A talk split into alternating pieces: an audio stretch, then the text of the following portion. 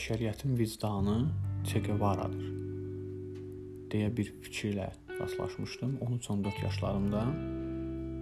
Həmin dövrdə sol ideologiyasına çox böyük marağım və rəğbətim var idi. Və həmin dövrdə bu fikirlə rastlaşmağım əslində mənim üçün çox faydalı oldu. Çünki bu həmçinin mənim həyatıma vicdan anlayışını gətirmiş oldu. Buna qədər mən vicdan nə idi, vicdan nə ola bilər deyə heç düşünmürdüm və bunu yorumlamır və bu haqqda düşünmürdüm. Amma uzun illərdən sonra təkrar bu mövzuya qayıtmağımın səbəbi bu yaxınlarda YouTube-da bir podkast yayıma rast gəldim və orada iki Azərbaycanlı YouTuberın vicdan nədir mövzusu altında müzakirə apardığını gördüm. Təbii ki, orada səsləndirilən fikirlər müxtəlif və mənim üçün yetərsiz idi. Çünki vicdan elə bir anlayışdır ki, onun hər hansı bir konseptual nəzəriyyəsi, hər hansı bir tərifi yoxdur.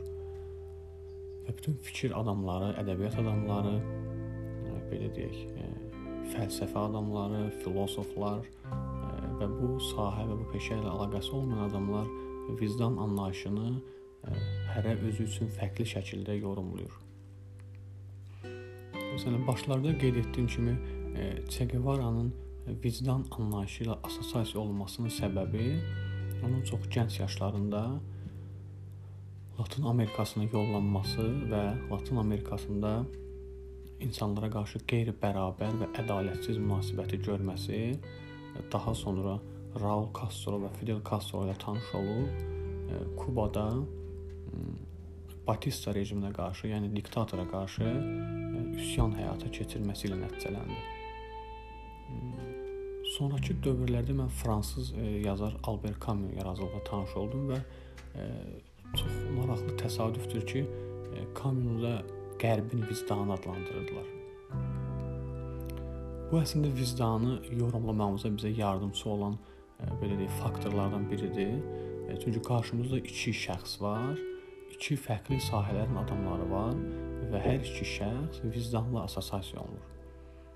Bir tərəfdə əli silahlı, döyüşən, e, daim e, Latın Amerikasında, daha sonra Kubada, daha sonra Boliviyada və Afrikada bir neçə yerdə ədalətsizliyə qarşı, qeyri-bərabərliyə qarşı üsyan edən, döyüşən və savaşan Che Guevara var.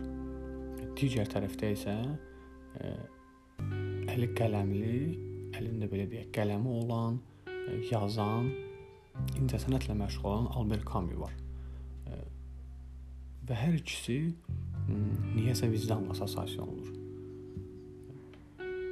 Fərqli belə deyək, e, fəaliyyət sahələri göstərsələr də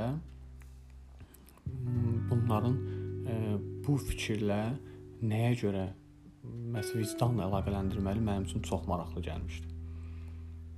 Camus Che Guevara-dan fərqli olaraq bizim e, mənəvi dünyamızı və mövcud xarakterimizi açmağa çalışan bir şəxs idi. E, biz onu oxuduqca, onu yorumladıqca görürdük ki, həqiqətən e, Camus-un çalışdığı şey bizim belə deyək, o dərinliklərdə olan hisslərimizi, emosiyalarımızı üzə çıxarmaq, özümüzü sorğulamaqdır.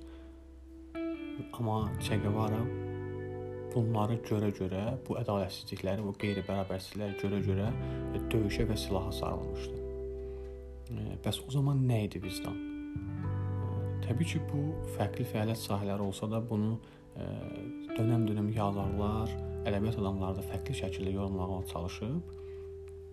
Məsələn, Dostoyevski deyirdi ki, əgər bizim içimizdə başqalarına qarşı bir acıma hissi varsa, yaxşılıq hissi varsa, biz o zaman vicdanlı şəxslərik. Amma daha sonra da əlavə edir ki, vicdanlı olmaq əslində çətindir. Əgər sən bir vicdan sahibisənsə, sənin üçün yaşamaq artıq çətin olacaq. Bəs vicdan bərabərlik və ədaləti sağlamaqdırmı? Bu da əslində bir qədər ziddiyyətli məsələdir. Çünki hər kəs üçün, hər bir fərd üçün biz ədaləti bərqərar edə bilmərik. Bu mümkünsüz bir şeydir. Bundan əlavə də elə bir fərdlər, elə bir şəxslər var ki, onlar üçün onlar belə deyək, ədalətə layiq deyillər. təbii ki, bu bizim əlimizdə olan bir şey deyil. Təbii ki, biz buna qərar verə bilmərik. Amma yaşadığımız müddətdə, insan tanıdığımız müddətdə görürük ki, həqiqətən elə şəxslər var ki, onlar bu anlayışların fərqində belə deyirlər və ümumən bu ədalətə, bu bərabərliyə layiq deyirlər. Bəs o zaman vicdan nədir? Bunun fərqində ola-ola hər kəs üçün bərabərliyi və ədaləti bərqərar etməkdirmi, yoxsa layiq olan adamlar üçün bərabərliyi və ədaləti bərqərar etməkdirmi deyə bir sual çıxır qarşıma. Bunun bunun üzərindən yorumlamağımın əslində bir neçə səbəbi var. Çünki e, məsələn Aristotel deyir ki, e, vicdanı olmayıb da bilgi sahibi olan insanlar çox təhlükəli insanlardılar. Yəni əslində vicdan e, bizim üçün belə deyək, bir tənzimləyici rol oynaya bilər. Bizim əlimizdə bilgi, məlumat, güc varsa və vicdanımız yoxdursa, biz o zaman bu gücü, bu bilgini çox e, mənfi yöndə istifadə edə bilərik. Bəs mənim üçün nədir vicdan? Əslində yenə də erkən yaşlarımda tanış olduğum bir fikir var idi, oxuduğum bir ifadə var idi ki, heç bir yaxşılıq cəzasız qalmır. Və mən bunun fərqində fərqinə vardıqdan sonra, bunu anladıqdan sonra anladım ki, əslində vicdan budur. Heç bir yaxşılığın cəzasız qalmadığını bilə-bilə yaxşılıq etməyə davam etməkdir. Xoş düşüncələr. Gəlin görüşlər edək.